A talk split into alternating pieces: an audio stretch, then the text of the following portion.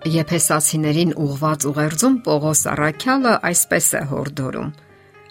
Ամեն դառնություն, բարկություն, սրտմտություն, աղաղակ եւ հայհոյություն թող վերանա ձեզանից ամբողջ չարությամբ հանդերձ։ Միմյանց հետ քաղցր եղեք, գթած միմյանց ներելով, ինչպես որ Աստված էլ Քրիստոսի միջոցով ներեց ձեզ։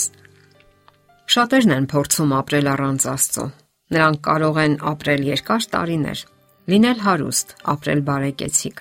սակայն արդյոք միայն նյութական արժեքների վրա հիմնված կյանքը կարող է բավարարել նրանց։ Եվ ոմանք այդպես էլ մահանում են առանց Աստծո եւ առանց փրկության հույսի։ Ոմանք էլ կյանքի վերջին տարիներին են միայն զգում, թե որքան ունայն է եղել իրենց ողջ կյանքը։ Աստված մարդուն կոչ է անում ընտրել ամենից առաջ իր արխայությունը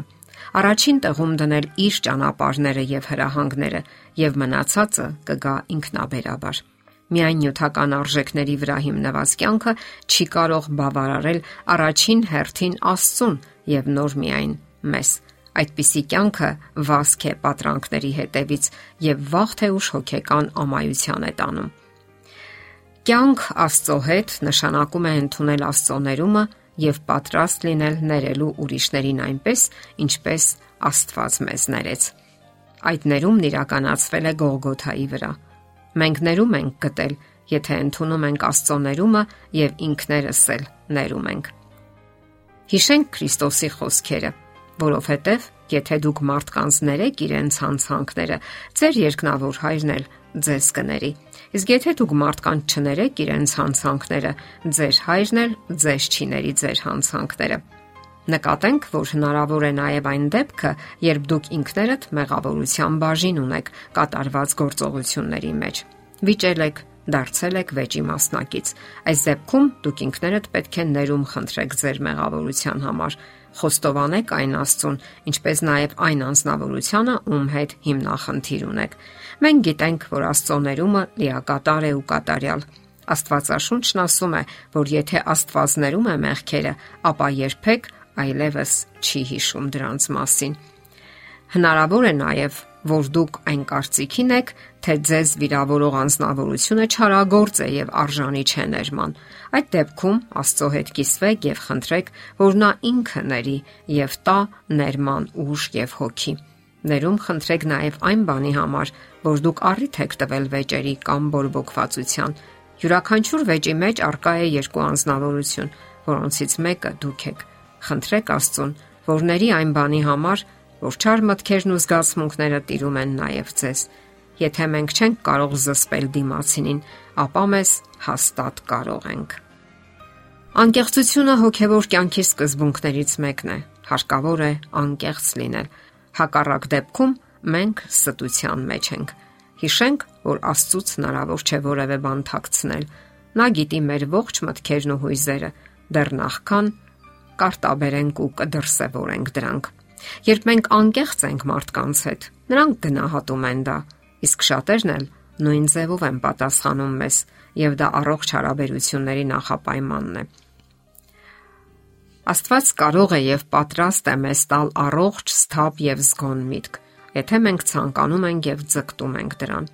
Ձգտեք խաղաղության ու հաշտության։ Ամեն անգամ, երբ հիշում եք որևէ մեկի վիրավորական խոսքերը, եւ զգում եք, որ ձեր մեջ փոթորիկներ են տեղի ունենում, խնդրեք Աստծուն, որ խաղաղություն ապարգևի ձեզ եւ կզգաք, թե ինչպես է խաղաղությունն ու հանգստությունը տիրում ձեզ։ Դուք այնպիսի ուրախություն ու երջանկություն կզգաք, հոգու եւ մտքի այնպիսի ազատություն, որ չէիք կարող անգամ երազել։ Աստված սիրում է մեզ եւ կոչ է անում, որ մենք էլ սիրենք մեր մերձավորին, երկրային պանդխտության մեր ուղեկիցներին Միայն լավը մտածենք նրանց մասին։ Երբ մենք մտածում ենք որևէ մեկի մասին, մտովի անտեսանելի կերպով հպվում ենք նրան։ Եկեք մտածենք միմյանց մասին միայն բարի մտքերով։ Լավ դասյարակությունը ոչ թե սոուսը սեղանին չթափելու մեջ է, այլ դա չնկատելու տալը, երբ ուրիշն է այդ անում։ Հա թե ինչու հարկավոր է մարդու մեջ գտնել այն, ինչը կմաղի քեզ սիրել նրան, ոչ թե նկատել այն, ինչը կվանի նրանից քեզ։ Ասենք որ շատախոսությունը հաճախ հանգեցնում է զազրախոսության։ Սա այն դեպքն է, երբ ավելորդ զրուցասիրությունը հանգեցնում է ճշմարտության աղավաղման եւ զրույցը տանում բացասական ուղղությամբ։ Մարդկանց մեծ մասը վեճերի մեջ է եւ դժգոհ է կյանքից։ Նրանք փորձում են ամեն ինչի եւ բոլորի մեջ մեղավորներ փնտրել։ Մեղադրում են բոլորին, չափազանցնում նրանց արածները, իսկ ահա իրենց անսխալական են կարծում։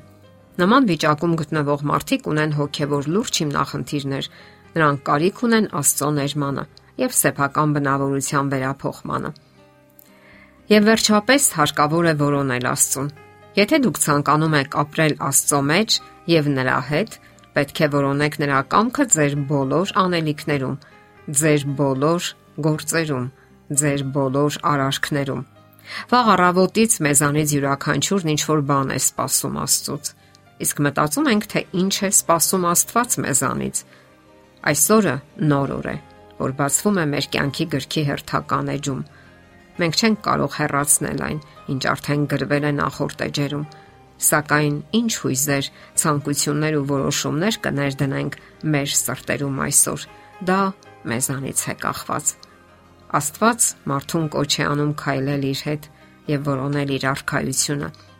Դա լավագույնն է, որ երջանկություն կապարքեվի մարդուն, նաև հավերժական կյանք Աստծո հետ։ Եթերում ղողանջ հավերժության հաղորդաշարն է։ Հարցերի եւ առաջարկությունների համար զանգահարել 033 87 87 87 հեռախոսահամարով։